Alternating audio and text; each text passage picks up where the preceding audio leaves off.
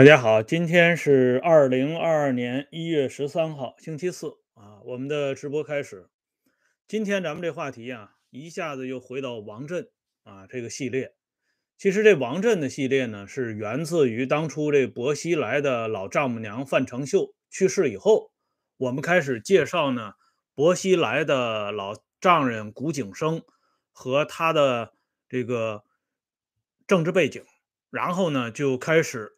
陆陆续续呢，就拐到这个古井生咸鱼翻身的这个过程，其中呢就涉及到边疆生产建设兵团重新设立啊，就牵扯到王震这个坑呢是这么来的，所以准备利用本周接下来的这么一点时间，把这个坑呢给它填平，不要留任何悬念，然后我们再回到当初讲这个外蒙古的这个话题。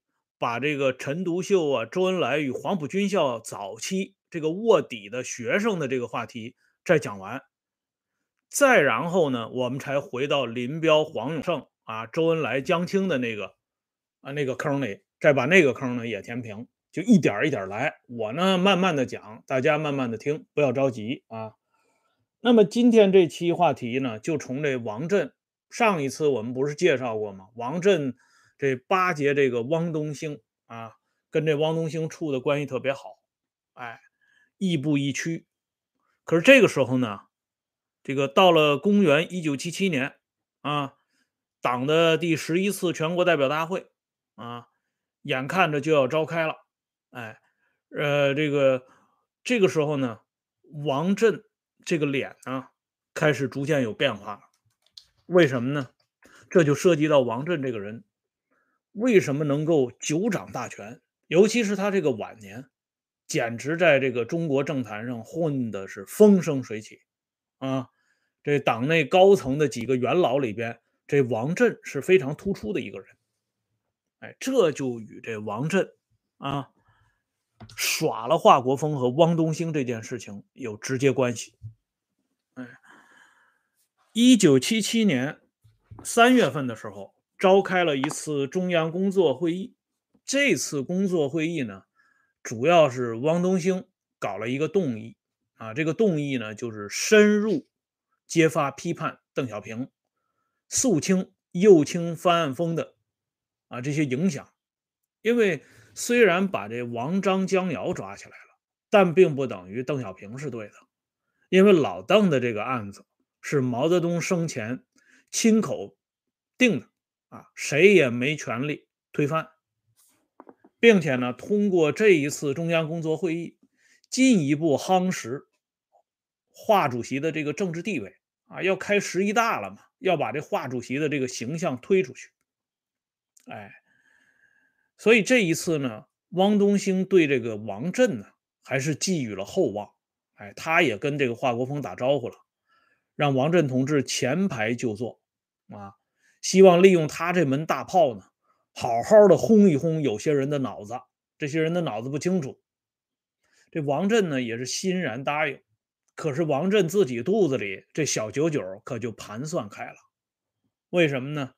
因为通过一九七六年十月以来这半年的观察，王震发现华国锋和汪东兴这两个人，一个软。一个蠢，不行。说白了，这两个人要在高层站稳脚跟，那是不可能的。华国锋这个人是忠厚有余啊，狠辣不足。哎，就这一点，他就不足以领袖群伦。想当老大，不够心狠手辣，能站稳脚跟吗？肯定不行啊。而王震要把自己的荣华富贵拴到这样一个人的裤腰带上，那肯定也长久不了。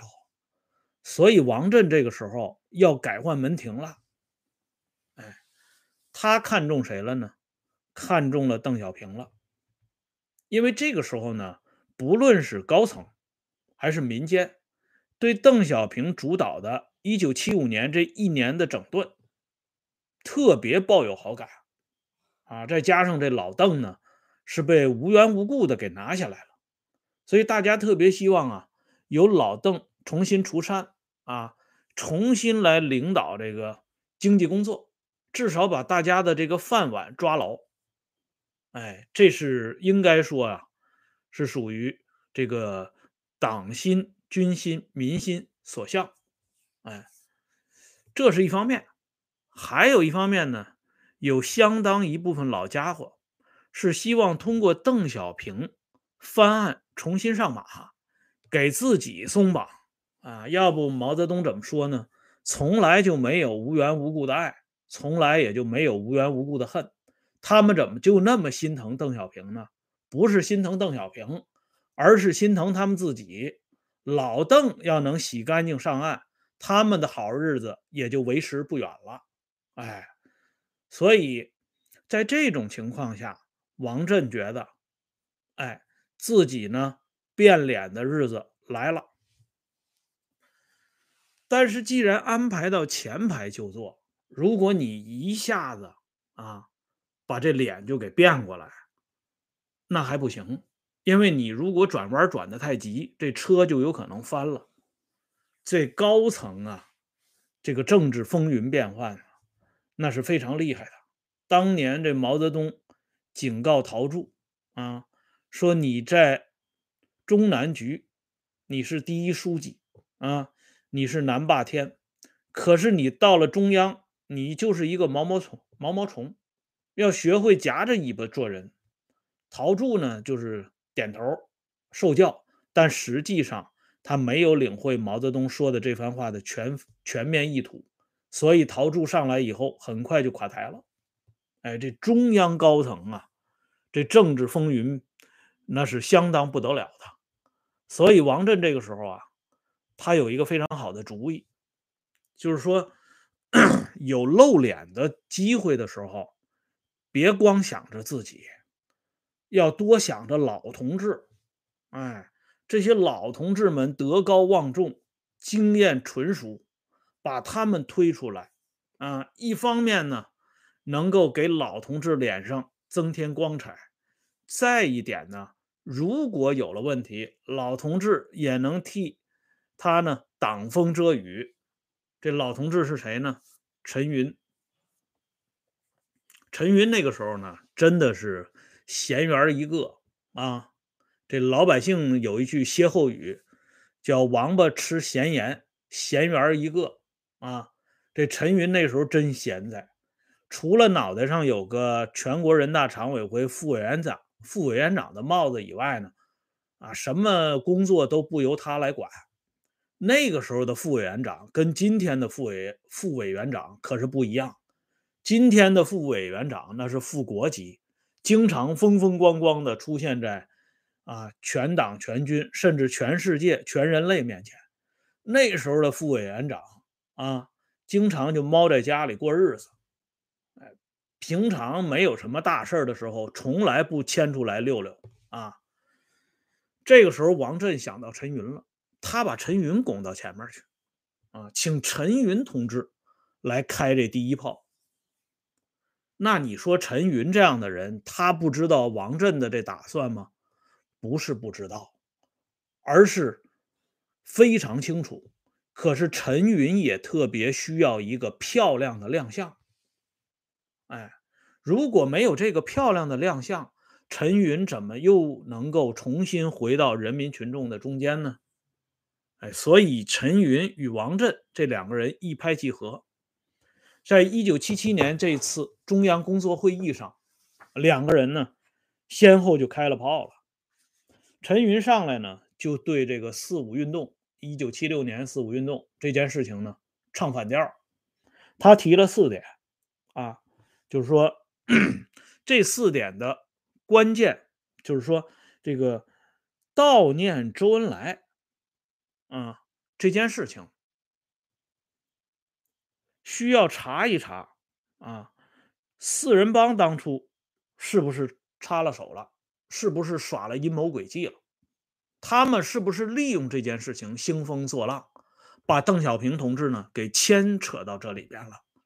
因为从这个后续的这个调查来看，这个四五运动与邓小平之间没有直接的联系。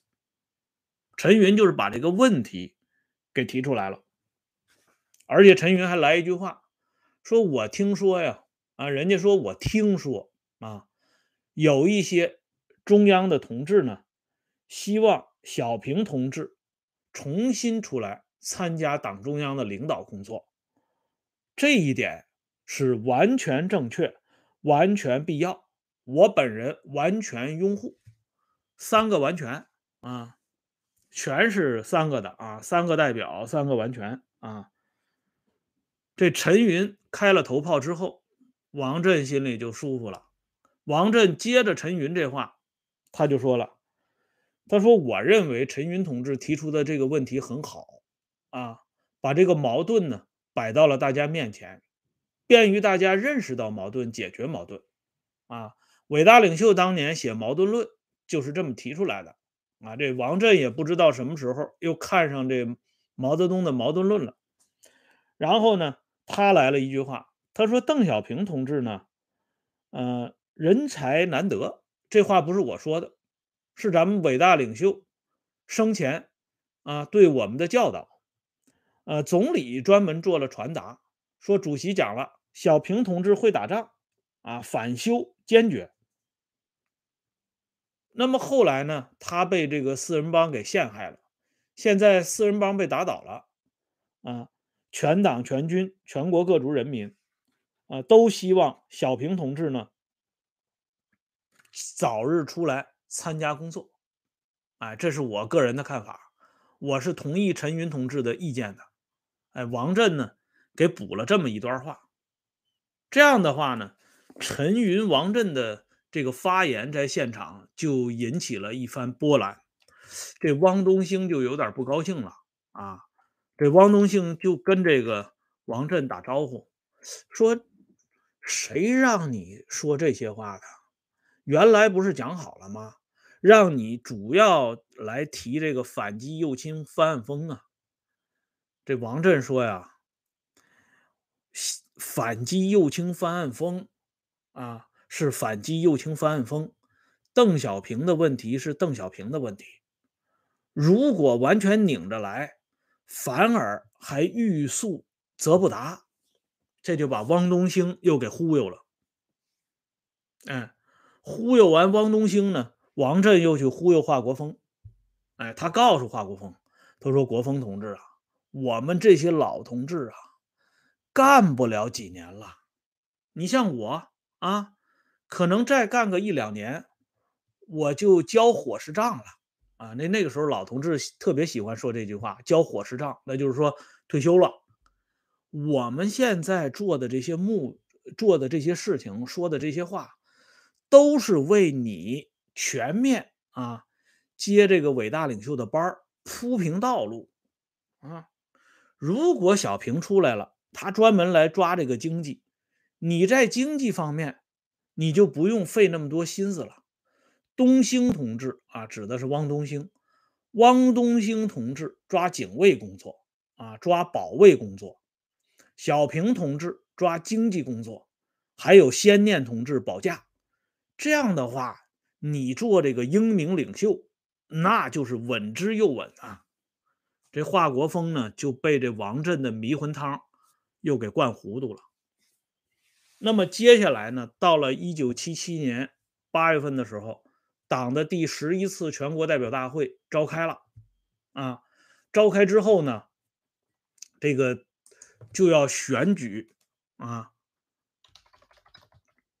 这个中央高层啊。七七年八月十二号到十八号，在北京召开的十一大啊。接下来呢，就是选了十一届一中全会上的中央高层，产生了中央政治局啊，以及这个中央军事委员会。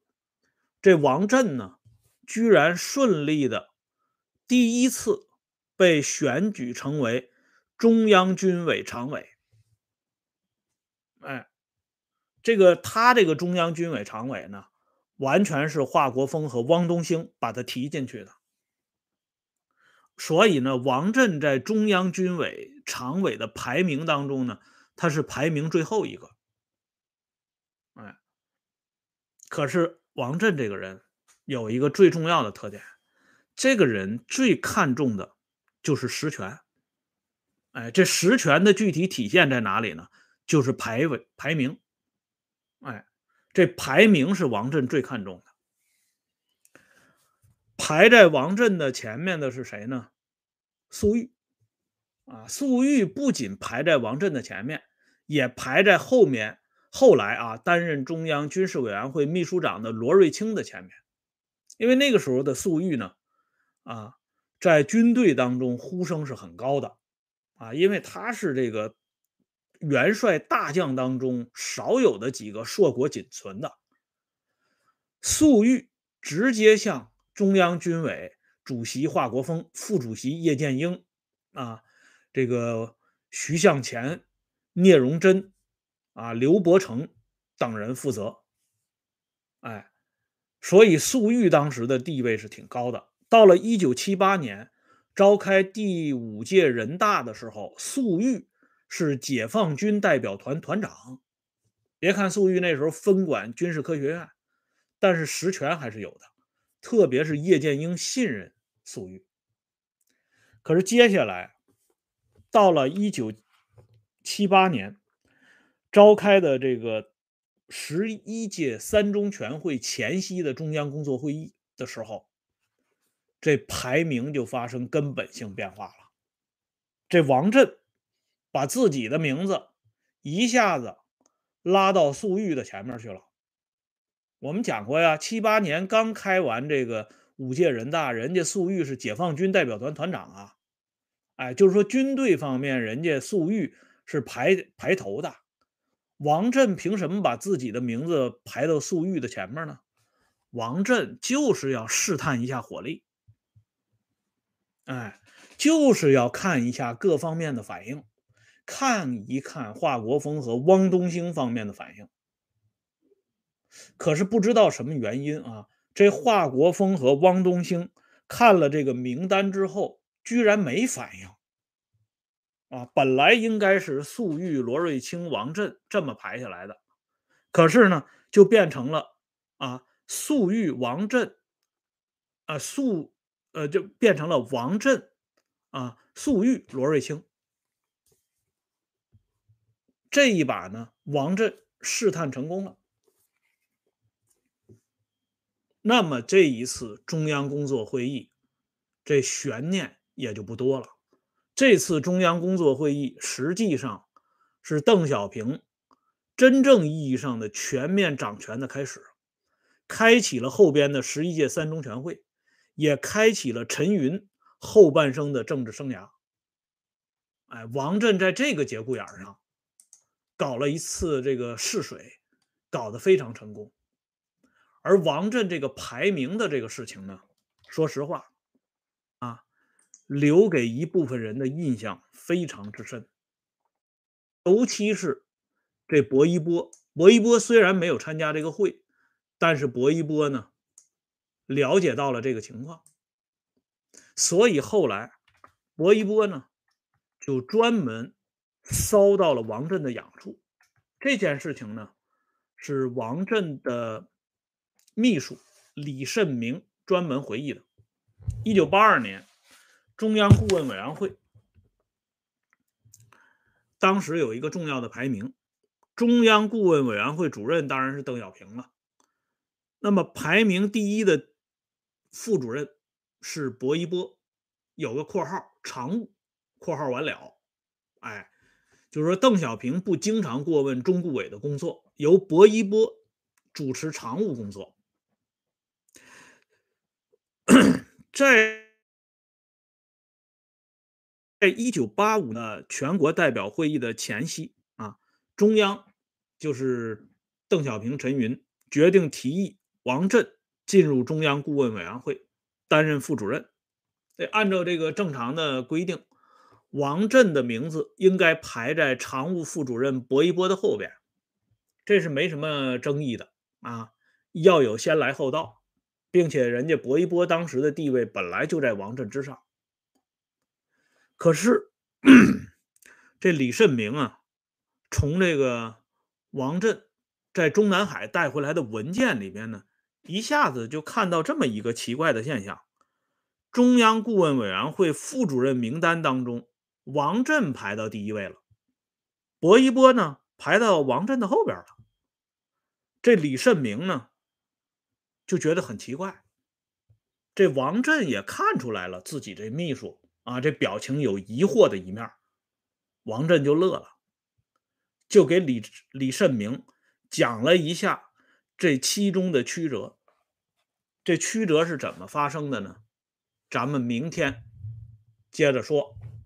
感谢朋友们上来打赏支持啊，点赞收看，欢迎大家关注温相会员频道，经常有更新。啊，这礼拜二和礼拜四是固定上传的日子，同时呢，每周争取再安排一到两次加播啊。这个会员节目呢，今天这期比较好，把这个林彪和陆定一他们这种复杂的这个男女关系问题说清楚了，说白了，这坑就填上了啊。感兴趣的朋友们，欢迎加入，再见。